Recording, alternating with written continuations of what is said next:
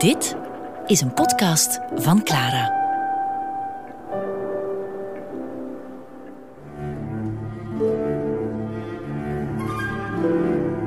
Leven en lijden van Godfried Bomans. Met Padone. Godfried Bomans was gek op Vlaanderen.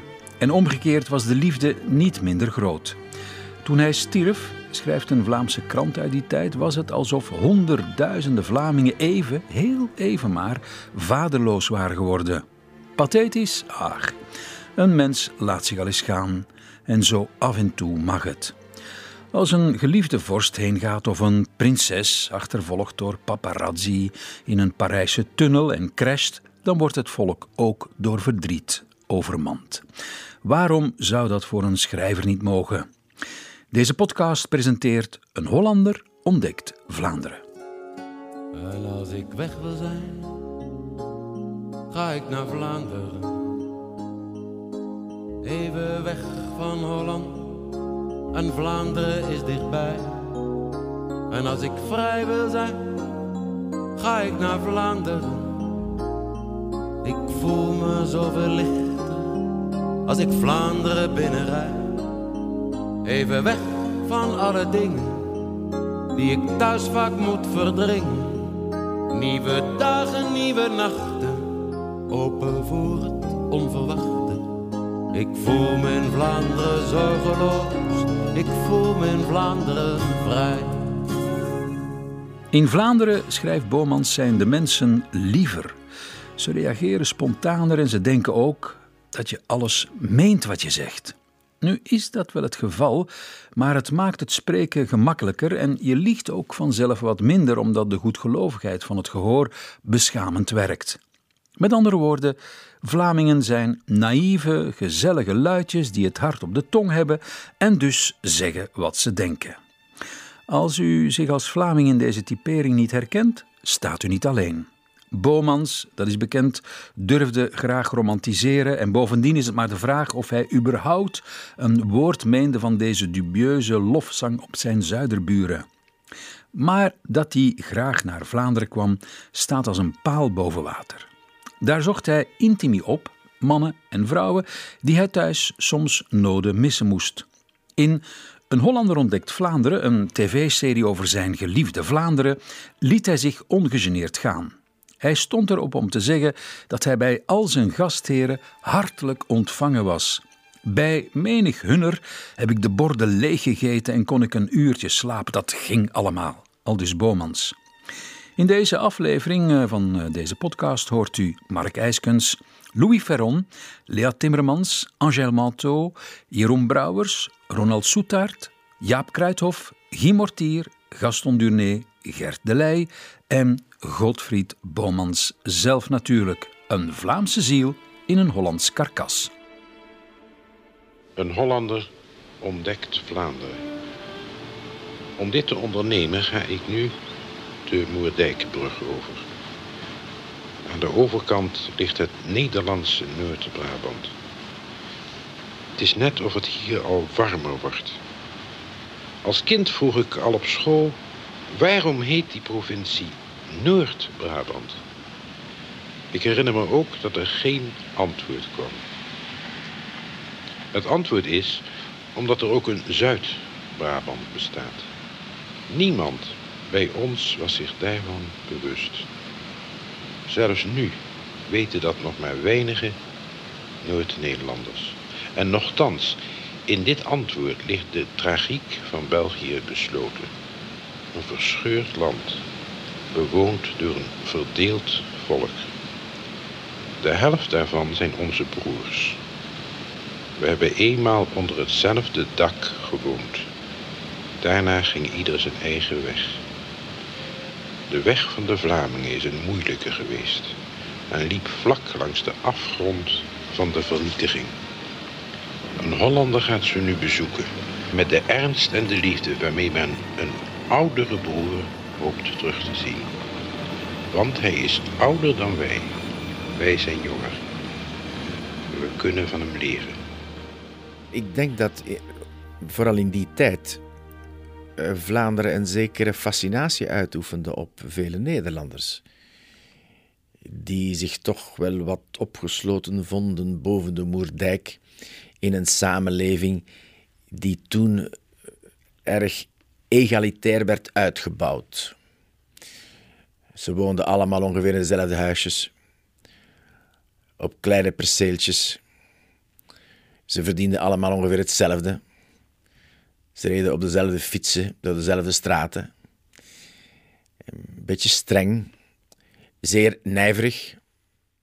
Maar het zuiden, de zuidelijke Nederlanden of Vlaanderen, dat was een heel andere toestand. Dat waren katholieken. Die dronken veel bier. Die hielden grote drinkgelagen en, ik ga niet zeggen braspartijen, maar die waren Bruggeliaans. Die waren Bourgondisch, zoals de Nederlanders dat zeggen. Die dronken wijn. Ja, die zondigden veel, maar kregen daarvoor vergiffenis. Van hun bichtvaders, die ook af en toe een stevige pint uitdronken. Ja, dat was een hele andere toestand.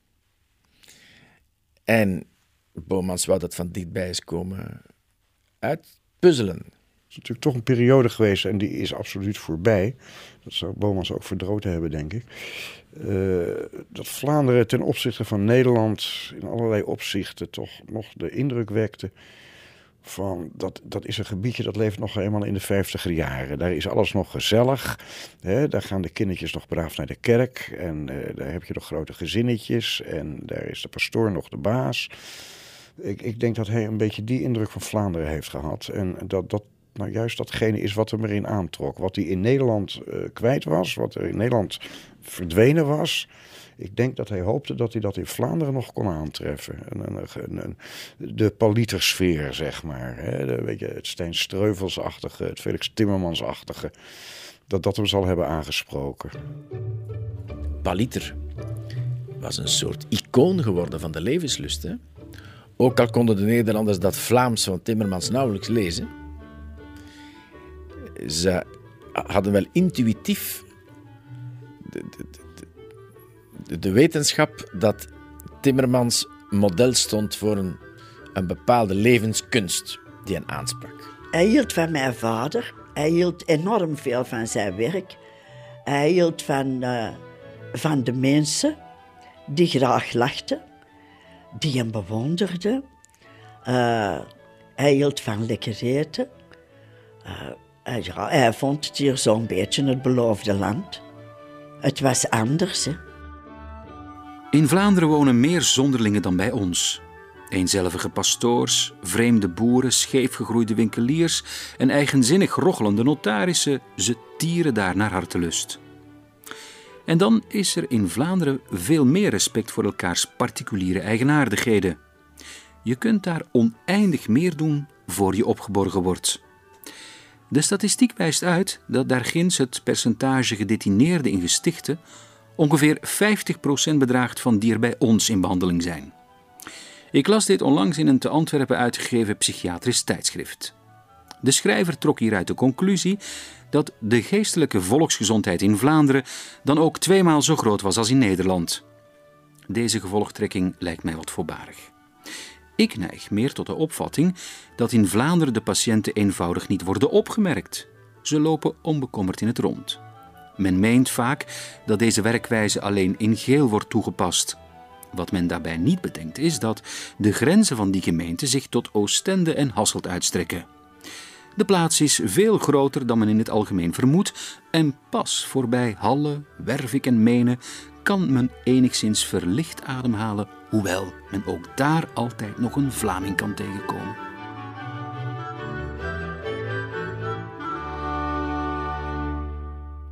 Hij vond in Vlaanderen veel meer dan in Holland. Ik zou zeggen, the milk of human kindness. Dat vind je in Holland niet. Daar is iedereen hard en voor de raap zegt wat hij denkt. Hier, men verdoezelt alles. En het is ook daarom dat de Vlamingen in mijn ogen veel te weinig naar Holland gaan. Ze kunnen niet tegen de, die zakelijke hardheid. Hier is de behoefte wederzijds aan wat ik noem een milk of human kindness. Hij vond in, in, in ons volk iets dat ze in het noorden niet hadden. Maar hij kon juist zeggen wat. Zo een zekere gemoedelijkheid en een zich laten gaan. En, uh, en, en iets, iets positiefs. Maar als wij nu iets mooi vinden, dan zeggen we, god, dat is schoon. Of, oh ja, dat is mooi, hè. Maar een Hollander zegt, nou, het is lang niet zo lelijk. Dat is iets anders. Of als wij iets gelezen hebben, we vinden het schoon. En oh, dat vinden we goed. Hm, het is nog niet slecht, zegt een Hollander. En uh, dat direct uh, spontane van de Vlaming, daar hield hij van. Bent u niet te veel gekomen met het uh, vooroordeel van het gezellige, uh, warme Vlaanderen terug te vinden? Ah, ja. dat is wat wij Nederlanders hebben. Het leutige Vlamingen. Um, dat heb je wel, ja. Maar zo'n legende ontstaat natuurlijk nooit zonder dat er reden toe is. Er is nooit een legende zonder wortels in de realiteit. Maar Vlaanderen is natuurlijk meer. U, u komt ook bij ons met het idee van klompen en broeken en zo. Elk land heeft een leugen opgeplakt. Maar um, daar heb ik me vrij snel van ontdaan. En uh, ach, ik was er ook wel daarvoor van af. Kijk, als Vlaanderen alleen maar leuter is, dan zou ik er niet naartoe gegaan zijn. Vlaanderen in de, in de jaren van Bomans was nog het Vlaanderen. Was nog het katholieke Vlaanderen, zoals Bomans het katholieke Holland nog heeft gekend. In, in Vlaanderen is de, is de pastoor pas, uh, zeg maar, eergisteren uit zijn toog gestapt en durfde in een gewoon burgerklofje over straat te lopen. In de jaren van Bomans bestonden de kloosters nog, gingen de mensen nog naar de kerk had dat katholieke geloof die gezellige decors en entourages nog die Bomans heeft gekend. De, de, de barok van de kerken die nog niet was afgebroken. Het altaar dat nog niet met het gezicht naar het volk was gekeerd. Dat, dat uh, charmeerde Bomans en dat wou hij terugvinden. Hij zocht in Vlaanderen de geborgenheid van het katholicisme uit zijn eigen jonge jaren. Boven de Moerdijk was Nederland uh, protestants. Uh Calvinistisch, eh, streng. Eh, laten we nu maar zeggen, met nodige afstand bekeken, ook een beetje hypocriet. En hij wentelde zich als katholiek in wat men toen noemde de Roomse blijheid. En er ging een grote blijheid van hem uit. Dus de Roomse blijheid betekende toen, ja, de katholieken zijn zondaars maar ze kunnen hun zonde bichten. En ze krijgen daarvoor vergeving en vergiffenis. En dan gaat het leven voort en ze weten op voorhand dat ze opnieuw zullen zondigen. Maar wij weten dat uh, voor elke zondaar er begrip is uh, bij de Goede Vader. En dus, ja, uh, dat was een, een sfeer van spontaneïteit eigenlijk, die in het zuiden veel groter was dan in het noorden. En ja, dat maakte hem eigenlijk tot een heel bijzondere Nederlander. Een bijna halve Vlaming.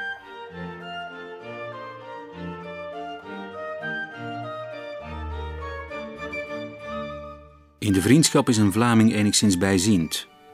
Als u vlak voor hem staat, ziet hij u verschrikkelijk goed, maar verwijdert u zich dan neemt hij u ook niet meer waar. Ik vermoed dat hij alle elementen voor een goede buurman in zich bevat en dat is ook iets. Zijn uitbundigheid is voor de korte afstand berekend. Ik heb het meermalen meegemaakt dat een Vlaming mij dringend verzocht om toch vooral eens langs te komen. Het is dan niet de bedoeling dat u dit ook doet. Wie daaraan na enige weken gevolg geeft, wordt met een lichte bevreemding ontvangen. Hij heeft zelfs moeite u te herkennen. De familie, die in de keuken zit, komt bedremmeld overeind. Men ontruimt dit vertrek en begeeft zich schoorvoetend naar de salon. Hier zit men enige tijd bevangen tegenover elkaar, tot men zich laat ontvallen toch liever in de keuken te zijn. Het ijs is dan gebroken. Urenlang zit men in de keuken bijeen en bij het afscheid wordt men weer dringend verzocht om toch vooral eens langs te komen. Men doet dit dan niet. Men heeft begrepen dat men de man eigenlijk in het café had behoren te ontmoeten. Dat is de plaats waar hij zich volledig aan u geeft. Hij was altijd zo blij als hij naar hier kwam. Hij zei, god, zeg ze, zegde hij, die mensen op de buiten, die hebben geen badkamer. En dat, dat, vind ik zo naar. Ja, nou, zegt hij, en dan, er was dan ook bijvoorbeeld in het zuiden of, of in de boeren buiten, dat ze s'avonds dan nog aardappelen aten, gebakken aardappelen, met een beetje vlees en geen groenten. En dan aten ze nog, ik heb dat ook nog meegemaakt, in plaats van dessert aten ze nog een pap. Dat, eh, hij vond dat iets, iets zo, ik weet het niet, zo boerzeker of zo eigenaardig of zo ouderwets. En dan was hij blij dat hij gedaan had. Nee, hij zegt, oh, en de toiletten. De toiletten bij zo'n onderpastorkes. Ja, dat is... eh, het moest allemaal zo... Ach, heel comfortabel zijn. Eh, Nee, hij zou dat hier niet gewoon geraakt zijn. Nee. Nee, hij, kwam naar hier omdat hij Vlaanderen bewonderde en omdat hij bewonderd werd. Ieder Vlaams steentje blijft rond. Bij gebrek aan erosie. Wij zijn allemaal geslepen, kantig geworden. Door onderlinge wrijving. En dat is hier niet zo. Er is hier een grote welwillendheid. Een grote bereidheid tot bewonderen. Er is ook een neiging om literaire windjes op te blazen tot orkanen. En die man die dat windje daar gelaten heeft, is al gauw geneigd zich een optelsom van Goethe en Shakespeare te achter, terwijl hij in werkelijkheid een dorpskapelaan is met een klein bundeltje gedichten. En die eh wierook die hier is, die vind ik wel verkwikkend om even in te vertoeven. Maar ik geloof dat ik, als ik hier lang zou blijven, dat dit mijn zelfkritiek zou verzwakken. In Vlaanderen haalde Bomans zijn hart en andere vitale organen op aan het zoetsappige taaltje, de Bourgondische keuken, het voetbal, Belgische politici en de meisjes. De Vlaamse primitief van Eyck heeft die meisjes op zijn schilderijen niet verzonnen, zo meende Bomans. Ze waren om hem heen. Ze zijn er nog. Als er in Brugge een kerk uitgaat, ziet u die heilige beelden soms naar buiten komen, alsof ze regelrecht van hun consoles binnenin zijn afgedaald. Niet veel natuurlijk, af en toe, hier en daar, als plotselinge klaprozen tussen het gewone koren. Die stille ogen onder de hoge, kuisse voorhoofden, de in zichzelf gekeerde glimlach, de blijde en blanke vergenoegdheid om een geheim dat niemand weet en vermoedelijk ook niet bestaat, dat is Vlaanderen op zijn best. Ja, een kneuterboekje is er. De- Die hele Hollander ontdekt helemaal geen enkel facet van Vlaanderen. Zoals Vlaanderen was, zo was het al eeuwen. En eh Bomans heeft daar, heeft daar helemaal niks ontdekt. Of was, was ook helemaal niet uit om iets te ontdekken. Bomans wilde herontdekken. Bomans wilde eh, zijn jeugdsentimenten terugvinden in Vlaanderen. Waar hij, waar hij in geslaagd is trouwens. En meer was dat niet.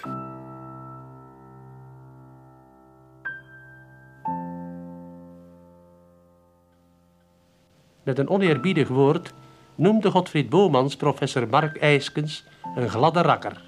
Bijna een gladianus. Mark Eiskens. Mag ik u een vraag stellen in verband met Nederland? Wij stellen ons de vraag, hoe komt het dat Nederland zo'n vlak land is? Wel, dat komt omdat bij ons in Nederland het geloof de bergen verzet heeft. Het is oorspronkelijk zeer heuvelachtig geweest, maar wij zijn zo religieus gezind, is allemaal verdwenen. Ik vind dat de Vlaming joyeuzer gelooft. En losser. En eigenlijk in zekere zin dieper. Wij beleiden die dingen allemaal wel met het hoofd. Maar als ik hier die processies zie, en die die beelden, die omgangen... dat kun je dan primitief noemen, maar dat vind ik eh, een leuke vorm van geloof. Jullie zijn theologen en wij zijn zowat religieuze epicuristen. Dat is een mooi woord. Zou het zo zijn? Dat is een mooi woord, ja. Dat is een prachtig boek. Ik heb eh, eens een heel lang gesprek gehad met Bomans eh, naar aanleiding van een interview. Dat is opgenomen in zijn boek Een Hollander ontdekt Vlaanderen. En Bomans had het toen zeer druk. En eh, mijn vader moet dat vernomen hebben. Mijn vader was toen eerste minister. En die afspraak met Bomans en mijzelf heeft plaatsgevonden in de residentie van de premier. En ik herinner mij dat uh, Bomans daartoe kwam in een van die salons.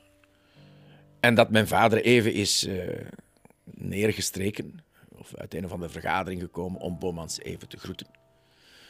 En dan heb ik met Bomans daar een zeer langdurig gesprek gehad over Vlaanderen, over de universiteit, over uh, ja, wat ik dacht van Nederland, uh, over hoe ik mijn eigen toekomst zag.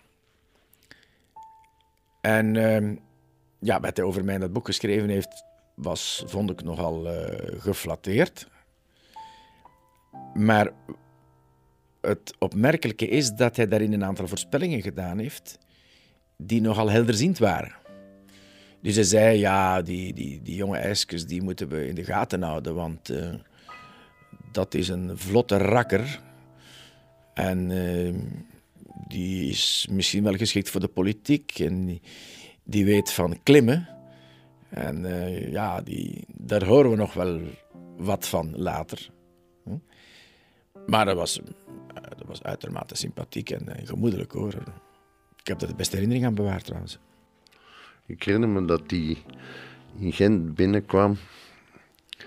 Dus hij kwam voor mij. En hij kwam dat uh, seminarie binnen, want dat, dat onderhoud had daar plaats. Uh, was het toch wel een beetje zo van... Kijk eens, hier komt meneer Bomans binnen. Dag meneer Kruithof. Uh, u begrijpt wel, als de heer Bomans ergens binnenkomt, dat het bijzonder gewichtig is. Die sfeer had het wel.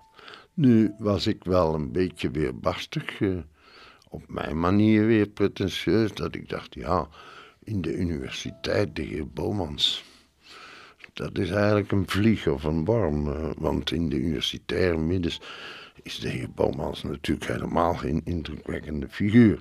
Dus, maar heb ik hem niet laten blijken. Maar hij had wel zoiets van: hier is de heer Bomans. Uh, iedereen begrijpt wel dat het nu heel, heel belangrijk wordt. Kan het zijn dat de ouders hier hun kinderen beschouwen als hun bezit? In die zin dat die, die kinderen niet anders zijn dan enige mate uitvoerders van hun wil en ook van hun levensbeschouwing. Ja, zeker waar. Ik heb eens een tijdje geleden dus... Ik geloof ook op de televisie is gezegd dat uh, de kinderen niet het eigendom zijn van de ouders. En daar waren toch een hele hoop ouders die bijzonder boos waren dat ik dat gezegd had.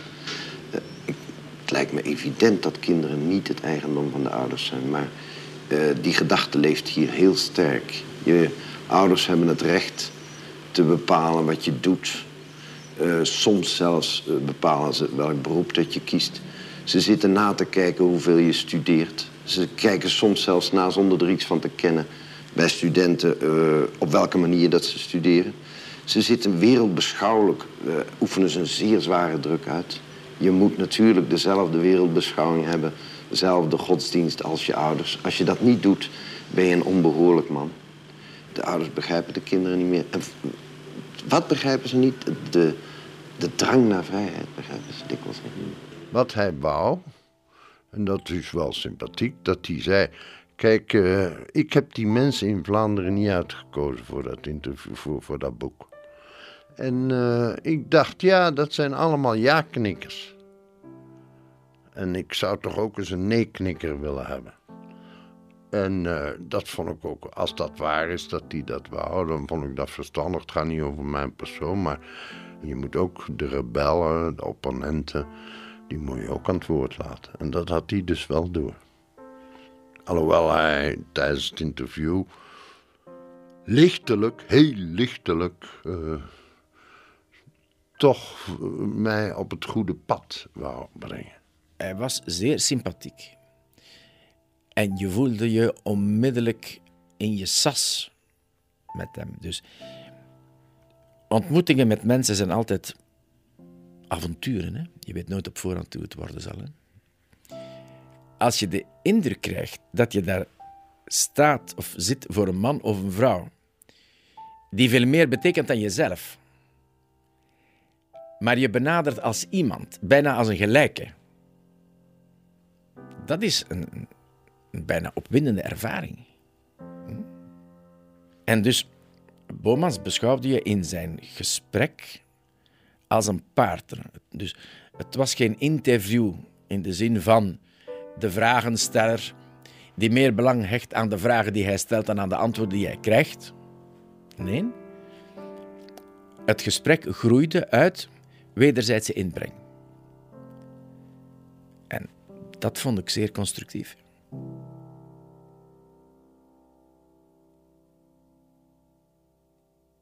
Ik denk dat uh, Bomans in Vlaanderen zijn fans had, zoals bij de opkomst van de rock and roll die rock and roll ook fans had. Er waren groepjes, dat was zeker niet algemeen. Er waren mensen die hem ontdekt hadden en die dat met heel veel vuur uitdroegen. Er was hier een priester die professor was aan het college uh, in de poëzies. Hij was zelf ook een goede dichter en een man die geweldig enthousiast kon zijn. Maar heel, heel, heel erg enthousiast. En je mocht daar niks tegen zeggen of die man viel in een put. En nu ja, dat, ja, Godfried was hier toen nog niet zo gekend. En hij had Delft van Oostende warm gemaakt. Zijn leerlingen, oud-leerlingen, vaders en moeders van leerlingen, om naar een lezing van Bomans te komen. De eerste hier, een van de eerste in West-Vlaanderen. En uh, altijd, ik had dat verteld, ja, die vond dat zo plezant, zo plezant dat hij zo enthousiast was.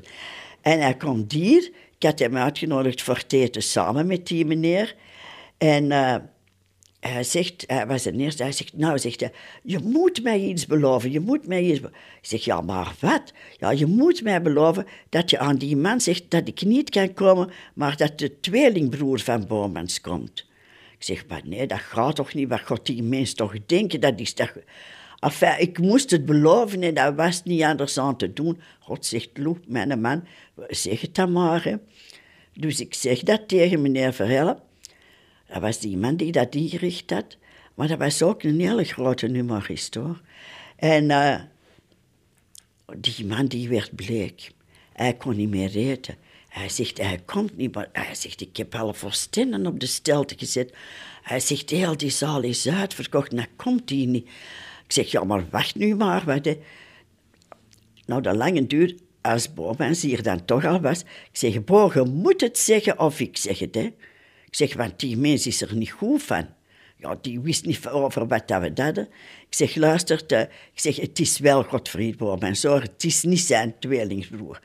Ja, nu geloofde hij dat niet meer. Hij zegt, je zegt dat om mij te troosten. Ik zeg, nee, echt waar. Ik zeg, maar ik heb het moeten beloven van het niet te zeggen, maar ik zeg het toch tegen u.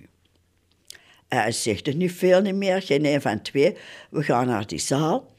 Dan heeft die meneer Verhellen die Godfried Bomans van buiten kende en al zijn werk, die heeft dan een inleiding gegeven van drie kwartier. Met al zijn goede stoten erin, met al de humor erin die Godfried ooit had kunnen verzinnen. De mensen hebben gebruld van het lachen. En als dat dan na drie kwartier eindelijk ophield, Bomans kreeg de tranen in zijn ogen. Eindelijk ophield, dan kon Bomans beginnen, maar ja, al het gras voor zijn voeten was weggemaaid. Hè. Maar dan was hem daar nou wel heel kwaad hoor. Hij is dan nog meer naar hier gekomen met mensen van het bestuur die ik hier had uitgenodigd voor een snackje of zo. Uh, hij zegt amper goeiedag aan die mensen. En hij ging aan de piano zitten piano spelen. En ja, recht uitgezegd, dat moet ik recht uit zeggen. Hij schreide toch, hij weende toch. Van kwaadheid. Hij zegt, ik kom nooit meer in Oostende een lezing geven.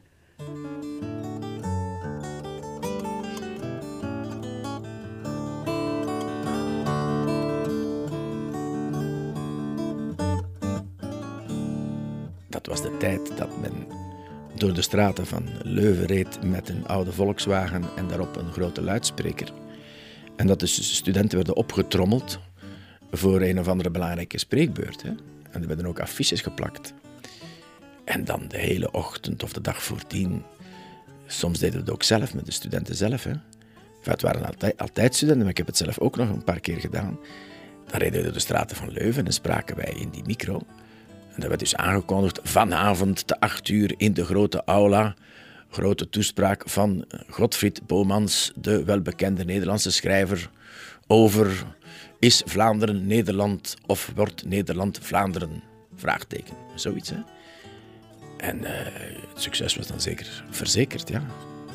Gewoon honderden en honderden studenten op af. Wat ik graag zou beklemtonen is hè, dat hij toch eh, ook in die periode die ik zeg de jaren 50, begin jaren 60, eh, toch ook nogal meeleefde op zijn manier en van op, van op enige afstand met wat dat er hier in het Vlaamse land gebeurde. En dat hij er zich van bewust was dat, hij, dat zijn werk ook invloed had op de jonge Vlamingen die bezig waren hun taal beter te ontdekken, die bezig waren goed te leren schrijven, die een ander wereldbeeld aan het kweken waren, dat dat daar een rol in speelde. En ik denk dat hij dat graag had. Die jonge mensen waren toch erg bezig met, uh, in Vlaanderen met de solidariteit met Nederland en het belang van een gemeenschappelijke Nederlandse cultuur. En dan zei hele gevatte dingen over de verdediging van het Nederlandse erfgoed. Over de noodzaak om de taalgrens uit te wissen tussen Noord en Zuid. Wanneer wij over de taalgrens spreken, denken we altijd aan de taalgrens tussen uh, zeg maar uh, Nederlandstalig België en Franstalig België. Maar toen was er, en helaas vandaag is er nog steeds, een taalgrens tussen Noord en Zuid. Ik heb persoonlijk een grote genegenheid voor Vlaanderen. Dat zeg ik u niet om u een genoegen te doen, want ik zou het omgekeerde ook eerlijk vertellen. Maar mijn genegenheid voor Vlaanderen wortelt in het besef dat daar in dat land de voorhoede ligt, de avant-garde van onze taal. U merkt, ik gebruik het woord avant-garde, een Frans woord, en dat doen wij veel onbekommerder dan u. Onze taal is ook veel meer besmet door Franse, Engelse en Duitse uitdrukkingen. Maar de Vlaming is voorzichtig. En hij behoedt de schat van de taal met een veel grotere zorg dan wij. En ik dacht terecht. Want het gevaar voor infectie door Frans is bij u oneindig veel groter dan bij ons. Als ik het taalgebied vergelijk met een leger, dan ligt de Vlaming in de voorste loopgraven. Wij drinken thee in de kantine achterin.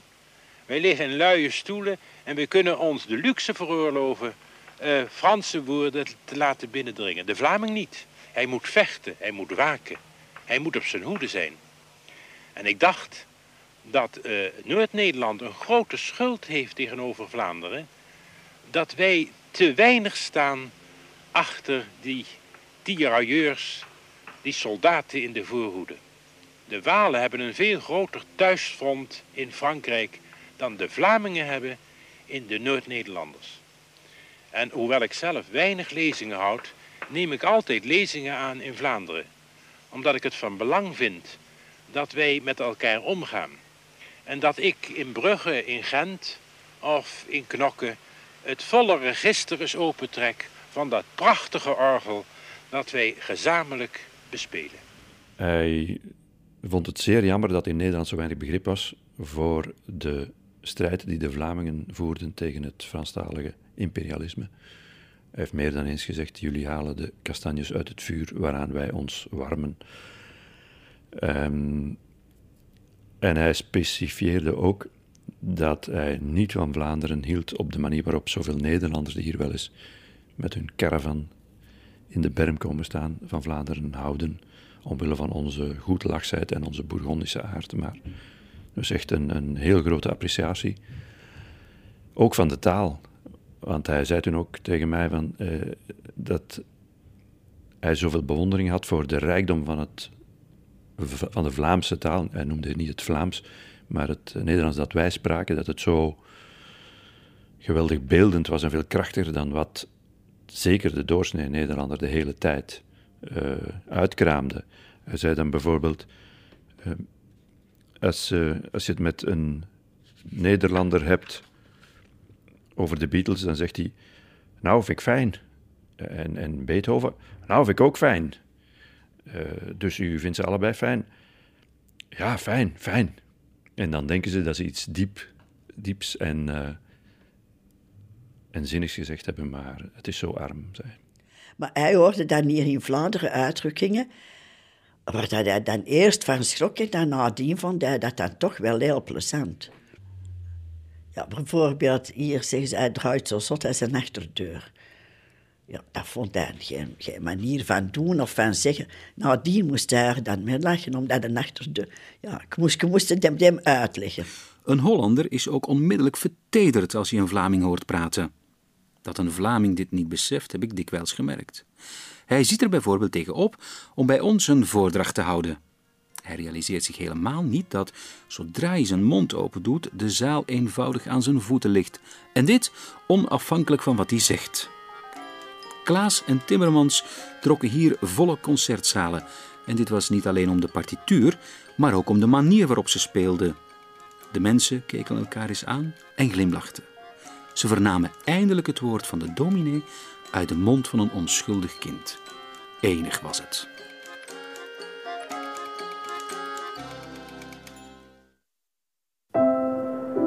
Ontdek ook onze andere podcasts via clara.be.